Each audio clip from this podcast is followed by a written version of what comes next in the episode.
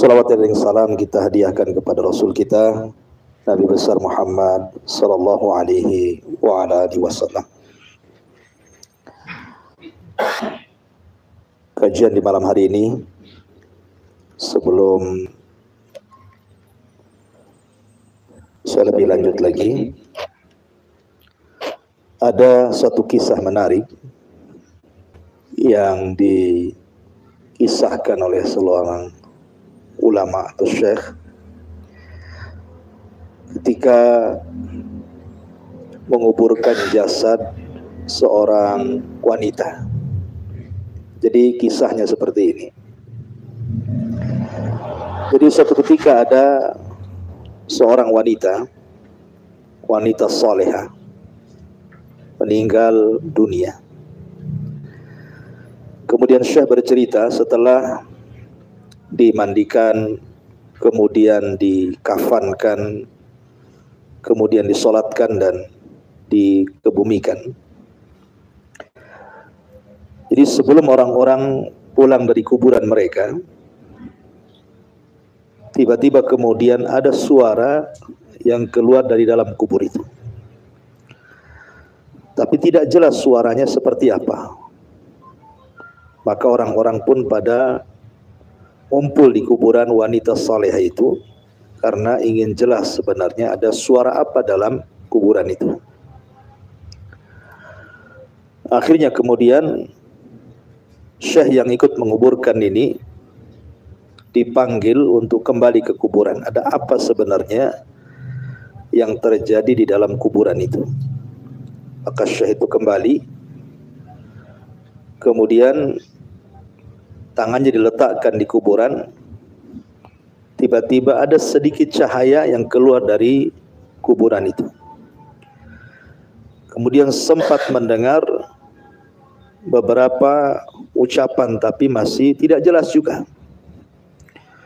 Kemudian Syekh itu ketika berdiri merasakan seolah-olah ada getaran di dalam bumi itu dan seolah-olah bumi itu meluas jadi Syekh ini penasaran dan mengatakan kepada jamaah yang hadir di kuburan itu, demi Allah sesungguhnya wanita ini sedang mendapatkan nikmat kubur. Nikmat yang tidak pernah dilihat mata, didengar telinga, kemudian terlintas pun tidak. Akhirnya kemudian Syekh ini memanggil Aina Zawjuha. Di mana suaminya? Mana suami dari wanita ini. Akhirnya kemudian datanglah suami daripada wanita itu, kemudian ditanya oleh Syekh, apa yang dilakukan istrimu semasa hidupnya? Maka suaminya mengatakan, demi Allah, istriku selama hidupnya tidak pernah meninggalkan solat lima waktu. Kemudian kalau di malam hari sebelum tidur, dia selalu membaca Al-Quran dan sebelum dia tertidur dia sempatkan membaca surah Tabarak. Tabarakalladzi biyadihil mulk wa huwa ala kulli syai'in qadir. Dan dia cinta dengan keluarganya. Suka menyambung silaturahim. Dan dia suka juga bersedekah memberi makan fukara dan juga masakin. Secara global istri saya wanita, insya Allah dia wanita saleh. Maka Syekh ini mengatakan, aku tidak tahu apa yang terjadi dalam kuburan istri. Tetapi ada kemungkinan istrimu mendapatkan nikmat kubur. Lah penggalan kisah ini diceritakan oleh salah satu syekh akan tetapi tentu bisa saja bisa jadi kisah ini memang benar terjadi atau tidak terjadi karena kan perkara nikmat atau adab kubur itu kan perkara gaib. Tidak ada yang tahu kecuali Allah Subhanahu wa taala. Tapi kita akan ambil ibrah dari kisah ini. Ya. Jadi Nabi Shallallahu alaihi wasallam kan pernah mengatakan apabila hamba soleh itu meninggal dunia maka hamba soleh itu akan ditanya oleh dua malaikat mungkar dan nakir. Siapa Robmu? siapa nabimu dan apa agamamu. Maka Allah Subhanahu wa taala mengatakan dalam Al-Qur'an yuthabbitullahu alladhina amanu bil qawli tsabit fil hayatid dunya wa fil akhirah. Orang-orang yang beriman apabila ditanya oleh mungkar dan nakir pasti akan sanggup menjawab dengan tepat. Dan apabila dia menjawab dengan tepat, maka Allah Subhanahu wa taala akan memerintahkan seorang penyeru dari langit dan mengatakan ang sadaqa abdi. Hambaku telah benar. Maka luaskan kuburannya maddal basar sejauh mata memandang.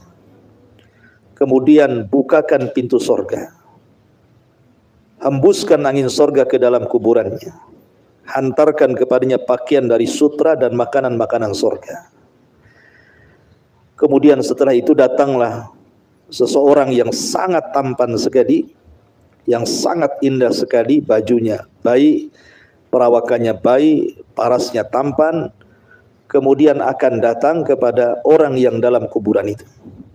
Kemudian akan berbicara. Tanpa terasa tiba-tiba kiamat sudah dekat. Maka sebelum kemudian berpisah dengan orang ini, maka sang mayit akan mengatakan man anta siapa kamu? Baik sekali menemani diriku dalam kesendirianku dalam kuburan ini. Sampai tak terasa kiamat sudah hampir tiba. Maka seseorang yang tampan yang indah ini mengatakan ana amaluka saleh sesungguhnya saya adalah jelmaan dari amal solehmu sesungguhnya saya jelmaan dari amal solehmu Artinya bahwa yang menemani manusia di kuburan itu adalah amal kita. Ya. Makanya Nabi Shallallahu Alaihi Wasallam mengatakan baul mayit, mayit itu akan dihantar ke kuburannya dengan keluarganya. Yang pertama meninggalkan si mayit itu apa? Hartanya. Jadi rebutan ahli warisnya. Kemudian yang kedua keluarganya karena keluarganya hanya menghantar sampai kuburan setelah dikebumikan pulang dia. Paling dijenguk ziarah kubur itu entah berapa tahun sekali kan gitu ya. Makanya Rasul mengatakan wa yabqa amaluhu, tetapi amalnya tidak akan meninggalkan dirinya. Itulah amal yang akan menemani manusia di kuburan itu. Jadi semakin banyak amalan kita di dunia, maka semakin mengasihkan orang yang akan dijelmakan dari amal soleh itu untuk menjadi teman kita di dalam kuburan. Makanya tanpa sadar tahu-tahu kiamat sudah dibangkitkan padahal kalau ada orang yang meninggal sejak zaman Rasul sampai hari ini berarti lama sekali dia hidup di kuburan itu karena kiamat nggak dibangkit-bangkitkan masalahnya. Ya. Tetapi orang-orang yang ditemani amal solehnya itu tidak peduli kiamat kapan, mau dibangkitkan kapan, karena dia sedang asik ngobrol.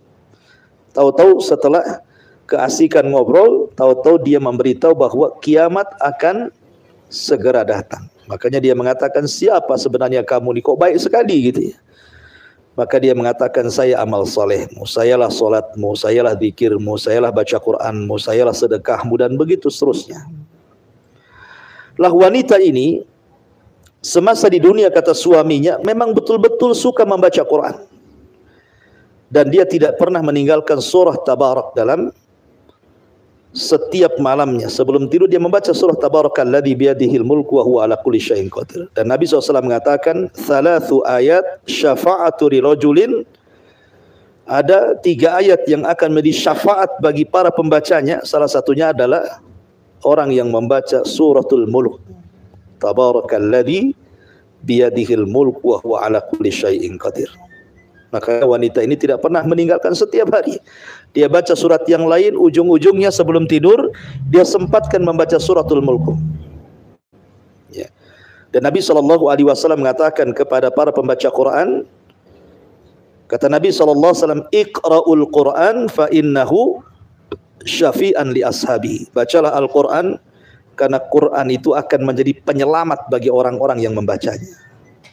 Makanya wajar wanita ini kalau dikatakan oleh Syekh boleh jadi dia sedang mendapatkan nikmat kubur. Karena Al-Quran telah memberikan syafaat kepadanya. Kemudian dia suka bersedekah. Membantu orang-orang yang susah. Dan Nabi SAW mengatakan, barang siapa yang mengeluarkan kesulitan manusia, maka Allah akan keluarkan kesulitan dia saat kematiannya. Makanya Allah permudah saat kematiannya gitu ya. Kemudian juga dia tidak pernah lepas daripada solat lima waktu. Dan solat lima waktu itu penyelamat kita, dunia kita dan akhirat kita. Makanya ketika Rasul Shallallahu Alaihi Wasallam bicara tentang seorang wanita, Rasul mengatakan idza sallatil mar'atu khamsaha wa samat syahraha wa ata'at ba'laha wa hafizat farjaha qila laha udkhulil jannah min ayyi abwabis samaniyati syi'ti. Apabila seorang wanita menjaga salat lima waktunya, menjaga puasa Ramadannya, menjaga kemaluannya, menjaga suaminya, maka silahkan masuk sorga dari delapan pintu sorga mana pun yang anda sukai. Ma'asyiral muslimin wal muslimat rahimani wa rahimakumullah. Maka dari sini seseorang harus berbekal, gitu ya. Dan bekal yang paling baik adalah takwa. Pertanyaannya apa itu takwa?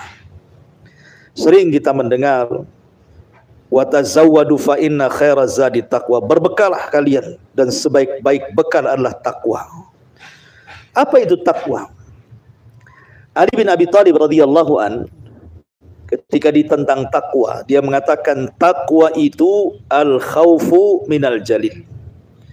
Wal amalu bitanzil. Wal qana'atu bil qalil wal isti'dad li yaumir rahil. Jadi takwa itu takut kepada Allah. Beramal dengan apa pun yang diperintah Allah dan menjauhi yang dilarangnya. Kemudian qanaah merasa cukup pemberian Allah walaupun pemberiannya tidak banyak tapi dia merasa cukup. Boleh jadi ini kebaikan bagi dia. Kemudian juga isti'dad berusaha untuk mempersiapkan setelah kematiannya. Makanya seorang mukmin yang cerdas itu adalah seorang mukmin yang pertama kata Nabi al-kayyis man dana nafsah wa amila lima ba'dal maut. Orang yang cerdas seorang mukmin itu orang yang muhasabah, setiap harinya coba muhasabah, ngaca gitu ya. Bisa enggak hari ini lebih baik daripada hari kemarin? Bulan ini lebih baik dibandingkan bulan kemarin, tahun ini lebih hebat dibandingkan tahun kemarin. Kemudian persiapan setelah kematian. Dan seorang mukmin harus pandai memilah-milah amalan. Mana amalan-amalan yang akan dibawa sampai kuburan itu diutamakan gitu ya. Mana amalan-amalan yang mungkin manfaatnya tidak sebesar manfaat amalan itu. Ya, jadi carilah amalan-amalan yang bisa bermanfaat untuk kematian kita. Salah satunya Nabi Shallallahu Alaihi Wasallam mengatakan ada beberapa amalan yang kalau anda amalkan itu akan ikut sampai kuburan. Kemudian Nabi SAW mengatakan ilman allamahu wa. Ilmu. Nah, seperti sekarang belajar ini ya. Kita sedang belajar artinya sedang menuntut ilmu. Nanti apa yang antum dapat ini malam ini antum bisa ajarkan kepada orang lain. Mungkin yang punya keluarga ajarkan ke keluarganya, ajarkan ke anak-anaknya gitu ya. Maka ilmu yang dipelajari dan disebarkan itu salah satu amalan yang sampai ke kuburan. Kemudian yang kedua kata Nabi sallallahu alaihi wasallam au masjidan bana ataupun masjid yang dibangunnya. Tentu membangun masjid tidak mesti antum sendirian bangun dari mulai pondasi sampai ke selesai sampai sholat lima waktu orang-orang di situ. Tidak mesti. Mungkin saya tidak bisa menyumbang tetapi bisa menyumbang tenaga. Kan itu ya. Pemanya ada pembangunan masjid, antum tidak bisa infak. Ah, saya bisa infak dengan tenaga saya. Gak usah dibayar, jadi helper pun tidak apa-apa. Apa yang saya bantu. Gitu. Atau mungkin punya uang tidak banyak. Hanya cukup untuk mungkin membeli besi satu lonjor, membeli batu-batu hanya satu gerobak gitu. Gak apa-apa. Ya. Karena itu amalan yang bisa membawa anda kepada kematian anda. Kemudian yang ketiga, au mushafan warasahu ataupun menyumbang mushaf. Mungkin ini habis gajian gitu ya. Belilah mushaf di pasar. Ya, kemudian sedekahkan. Mungkin ke masjid mana taruh satu di situ biar nanti dibaca orang kan gitu ya. Gak apa-apa pura-pura datang ke masjid, sholat lima, apa sholat wajib di situ sebelum pulang ambil dari tasnya taruh saja di situ Bilang saja wakaf dari hamba Allah dah pulang. Kan itu ya. Mudah-mudahan mushaf itu dibaca orang. Kan kita tidak tahu kan itu ya. Siapa yang akan membaca di situ? Tulis saja wakaf di situ. Jangan pula ditulis nama antum nanti dibalik ini mas ketinggalan mushafnya kan itu. Ya. Artinya bahwa tulis di situ wakaf untuk Allah Subhanahu wa taala. Au nahran ajrah ataupun mungkin sedekah air. Ya, mana-mana masjid, mana-mana pesantren, mana-mana desa yang kekurangan air gitu ya, sedekah dengan air. Dan itu sedekah yang paling baik itu memberi minum. Ya, sedekah yang paling baik minum. Karena ada sebuah kisah.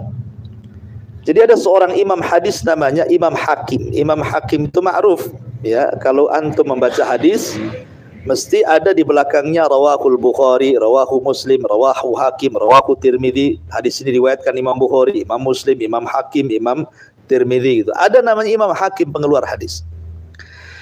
Jadi Allah Subhanahu wa taala takdirkan Imam Hakim ini banyak luka. Ya, ada luka di badannya, benanah gitu, tidak sembuh-sembuh. Ya. Dia sudah datang ke tabib, diupayakan diobati ini dan itu juga tidak kunjung sembuh. Akhirnya kemudian dia mencoba hadir di majelis taklim gurunya namanya Imam Sabuni. Dihadiri gurunya Imam Sabuni setelah kemudian hadir pengajian kata Imam Hakim ya Imam doakan saya saya punya penyakit di badan saya ini. Saya sudah berobat ke sana kemari tidak kunjung sembuh. Ya. Maka kata Imam Hakim tolonglah doakan kepada Allah dan jamaahmu agar Allah menyembuhkan penyakitku. Maka Imam Hakim pun kemudian mengajak jamaahnya, ayo kita doakan sama-sama, kata Imam Sobuni, mudah-mudahan Imam Hakim ini sembuh. Lah salah satu jamaah itu ada seorang wanita, wanita salehah. Seorang ibu-ibu yang salehah selalu ikut di, di kajiannya Imam Sobuni. Lah wanita ini tiba-tiba di malam harinya bermimpi. Didatangi oleh malaikat, kemudian malaikat berpesan kepada ibu ini, tolong katakan kepada hakim, kalau ingin sembuh penyakitnya, sedekahlah dengan air, katanya. Maka keesokan harinya ibu ini mendatangi Imam Sabuni menceritakan mimpinya. Maka Imam Sabuni memanggil Imam Hakim dan mengatakan, Ya Imam, Ya Hakim, ada seorang wanita bermimpi tentangmu, didatangi malaikat agar supaya engkau bersedekah dengan air. Carilah tempat-tempat desa-desa, karena di zaman itu kan air sangat dihajatkan, lain dengan di zaman sekarang. Air itu susah di zaman itu.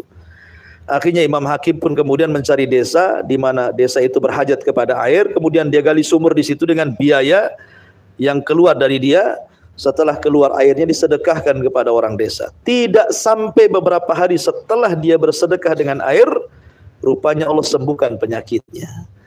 Dari sini kata Nabi Shallallahu Alaihi Wasallam, tadawau mardokum bis. Cobalah orang sakit di antara kalian itu diobati dengan sedekah. Gitu ya. Jadi sedekah itu salah satu obat sebenarnya. Ini malah orang sakit makin pelit, ya makin sakitlah dia kan itu. Ya, kalau orang sakit ingin sembuh, cobalah sedekah. Niatkan sedekahnya itu untuk kesembuhan. Itu ya. Jadi kalau orang pamannya anda-anda ini dengar anak eh, orang tua lagi di rumah sakit. Anda di sini orang tua di kampung dengar orang tuanya lagi di rumah sakit gitu ya. Maka Anda selaku anak Anda bisa bersedekah di sini. Saya ingin ikut menyembuhkan, saya kan bukan dokter. Saya bukan perawat, saya juga tidak bisa pulang. Macam mana mau menemu, menemani ibu saya, bapak saya di rumah sakit? Uh, bagaimana caranya untuk mengobati dengan cara jauh? Dengan cara apa? Sedekah. Ya Allah, saya hanya bisa bersedekah. Tolong ibu saya sembuhkan. Kan begitu, ya kan? Lah itu sudah membantu orang tua kita kesembuhan sebenarnya. Kata Rasul yang mengatakan tadawu mardokum bisadaqah. Obati orang sakitkan dengan sedekah. Dan sedekah ini bukan hanya manfaat dunia sampai ke akhirat. Makanya Nabi SAW mengatakan, "Idza mata ibnu Adam in qata amaluhu illa min salasin sadaqatin jariyah." Yang pertama sedekah jariyah. Apabila anak Adam meninggal, tidak ada yang dibawa kecuali tiga perkara. Yang pertama disebut sedekah jariyah, sedekah yang mengalir. Terutama sedekah ketika kita sehat dan ketika kita sedang di atas rizki dari Allah Azza wa Jalla. Karena kalau kemudian ketika tidak sehat, kemudian ketika uh, kurang ekonomi, rasa-rasanya berat mau sedekah itu kan. Tapi setan ini memang cerdas. Biasanya ketika kita di atas angin, di atas rizki, setan datang membisikkan di telinga kita. Apa kata Allah? Ya idukumul faqra wa ya'murukum bil fahsya. Jangan sedekah, nanti takut fakir kamu. Nanti kamu jadi miskin. Ya kata setan itu ya. Kamu belum ada kulkas, ya, kamu belum ada mobil, kamu belum ada motor, diwasi-was-wasi, akhirnya nggak jadi sedekah tuh. Ya, sedekah ya akhirnya ya ala kadarnya. Yang penting tidak rugi katanya. Ya. Jadi Nabi Shallallahu Alaihi Wasallam amalan yang bisa bermanfaat untuk kematian adalah bersedekah air. Ya, termasuk baitan libni sabil kata Rasulullah SAW atau membangun rumah. Rumah ini bukan untuk disewakan, ya kan? Bukan untuk dijadikan kos-kosan, tidak. Sengaja dibuatkan satu rumah kosong, nanti kalau ada kerabat datang bisa singgah di situ, ada kawan datang singgah di situ. Hanya rumah singgah saja daripada dia ke hotel kasihan sudah di sini saja. Ya kan? Maka ini juga amalan-amalan yang akan mengalir setelah kematiannya. Ya termasuk juga waladan salihan yad'ulahu. Anak yang kita tinggalkan dan dia anak yang soleh ah, ini tanggung jawab kita. Orang tua mendidik anak supaya menjadi syafaat bagi orang tuanya. Dan secara umum amal soleh itu bermanfaat setelah kematiannya. Tetapi begini ma'asyiral muslimin yang dimuliakan Allah azza wa jalla Kisah tadi memberikan inspirasi kepada kita. Ya. Bahwa kita harus beriman dengan yang gaib. Bahwa ada sesuatu yang akan terjadi setelah Anda dikubur. Dan kematian di zaman sekarang ini tidak bisa diprediksi kan. Kematian di zaman sekarang mana ada orang memprediksi kematian di zaman sekarang? Tidak ada yang bisa memprediksi. Sekarang anak-anak bisa mati ketabrak kan itu ya. Anak-anak remaja yang sebenarnya masih panjang lah dia masa depannya. Tahu-tahu trek-trekan sebentar saja sudah diantar ke kuburan tamiang, ya kan? Hari-hari kita mendapatkan kematian. Oke lah itu tidak jadi ibrah, tetapi yang jadi ibrah adalah sebuah keyakinan bahwa ketika orang dikubur itu ada peristiwa-peristiwa apa peristiwa kuburan yang ini yang harus kita waspadai. Di antaranya apa? Himpitan kubur, fitnah kubur, adab kubur. Nah, ini kan jangan sampai kemudian pertama himpitan kubur. Himpitan kubur ini kalau mengenai orang-orang yang tidak beriman, kurang amal solehnya, fasik, fajir, banyak berbuat jahat, itu akan meretakkan semua kulit-kulitnya, tulang-tulangnya, persendiannya, diretakkan betul-betul. Dia menjerit-jerit siapa yang tahu jeritan Anda kecuali hewan saja. Manusia tidak bisa mengetahui jeritan orang-orang yang ada di kubur itu. Ya. Kemudian yang kedua, fitnah kubur pertanyaan. Nah, ini pertanyaan ini harus dipelajari di dunia yang disebut dengan usul salasa. Tentang mengetahui siapa Tuhan kita, nabi kita, agama kita ini harus dipelajari ini. Ya. Sebab kalau Anda tidak belajar siapa Tuhannya, siapa nabinya, apa agamanya, maka Anda akan dipersulit untuk menjawabnya. Karena yang menjawab itu bukan hafalan, tetapi amalan. Kalau hafalan saja saya sudah hafal kan. Ustaz hafal saya. Coba tanya saya katanya. Siapa Tuhan? Teriak Anda mengatakan Allah. Siapa Nabi? Teriak Anda mengatakan Muhammad. Apa agamamu? Oh, lihat KTP saya Islam. gitu ya. Iya bisa teriak di dunia. Jangankan di dalam kuburan. Lihat orang sakaratul maut itu ditalkin satu lafad yang pendek la ilaha illallah. Jarang yang berhasil kan? Padahal kalimat la ilaha illallah itu semua berada di jauh di dalam di dalam mulut. Kan huruf hijaiyah itu ada yang keluar lewat uh, bibir. Ada yang di dalam ya suaranya. La ilaha illallah semua dari dalam artinya memungkinkan orang sedang sakaratul maut itu membaca la ilaha illallah dan tidak ada lafad yang bisa diucapkan orang yang sedang sakaratul maut kecuali la ilallah. Kalimat yang enggak enggak akan mungkin dia keluar. Tapi la ilaha illallah bisa. Tapi betapa banyak orang-orang yang ditalkinkan tidak bisa mengucapkan kalimat itu. Padahal ketika di dunia mungkin seribu kali dia baca la ilaha illallah. Tapi sedang sakaratul maut ternyata tidak bisa juga dia mengucapkan kalimat itu. Lah di dunia saja ditalkinkan tidak bisa gimana dikuburkan siapa yang menalkin? Ya kan? Artinya bahwa peristiwa-peristiwa seperti ini harusnya jadi sebuah pelajaran kan itu ya. Bahwa kita ini akan mati nanti habis kematian itu ada himpitan kubur ada fitnah kubur ada azab kubur ada nikmat kubur kan. Sehingga renungan-renungan seperti ini bisa mengingat kepada kematian. Makanya kenapa Rasulullah SAW khususnya bagi laki-laki Ada sunnah yang disebut dengan sunnah ziarah kubur. Kata Rasul, kuntu nahaitukum an ziaratil kubur fazuruha fa innaha tudzakirukumul akhirah. Dulu aku larang kalian ziarah kubur. Ah, sekarang kalian ziarah. Ziarah sekarang. Karena hal itu bisa mengingatkan kalian dari kematian. Pertanyaannya, antum suka ziarah enggak? Enggak yakin. Nabi itu kalau ziarah malam ya. Kalau antum sibuk karena kerja gitu ya, siang kerja di sini. Kan malam-malam nanti jam satu itu kan nggak kerja kan? Ah, coba datang ke kuburan yang itu kan. Kalau takut sendirian berdua, ya takut berdua bertiga. Coba ziarah kubur betul-betul ziarah. Lepas sandal, masuk ke gerbang kuburan. Assalamualaikum ya ahlal kubur inna bikum lahikun nas'alullahu lana walakumul afiyah. Masuk ke dalam kuburan. Ah di situ antum tengok kuburan. Jangan nengok-nengok nanti pula bulunya berdiri. Artinya bahwa betul-betul renungkan bahwa saya itu akan seperti kamu. Ya kan? Tapi di zaman sekarang memang orang kadang sudah keras hati ya. Jangankan lagi cerita kuburan. Kadang-kadang ada tetangga meninggal. Enggak juga kita ini takut. Ya kan Padahal sebenarnya kita pun antrian kematian tuh. Habis dia jangan-jangan saya kan itu. Tapi mungkin hati kita ini sudah keras banyak maksiat. Kayaknya mati itu udah biasa. Hari-hari antum nengok di YouTube itu orang kena tabrak, kena apa, kena apa. Mati, makan, mabuk, oplosan, pilih ini, pilih itu gitu ya.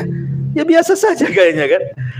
Nah, itulah kalau orang kemudian ada kematian dan tidak mengambil ibrah dari kematian. Berarti ada masalah dengan hati anda ini. Ada masalah itu. Ya. Sebab kalau orang melihat ada orang kematian, pasti dia akan ketakutan tuh. Jangan malam ini saya. Sehingga dia langsung pulang istighfar, sholat, tobat, dan begitu seterusnya. Makanya, ma'asyiral muslimin yang dimuliakan Allah Azza wa Jal, pentinglah seseorang itu mengingat kematian. Wallahu alam, ikhwan, ini uh, nasihat ringan saja ya. Uh, kita buat tanya jawab saja, silakan kita bentangkan dengan tanya jawab biar lebih menarik lagi. Silakan.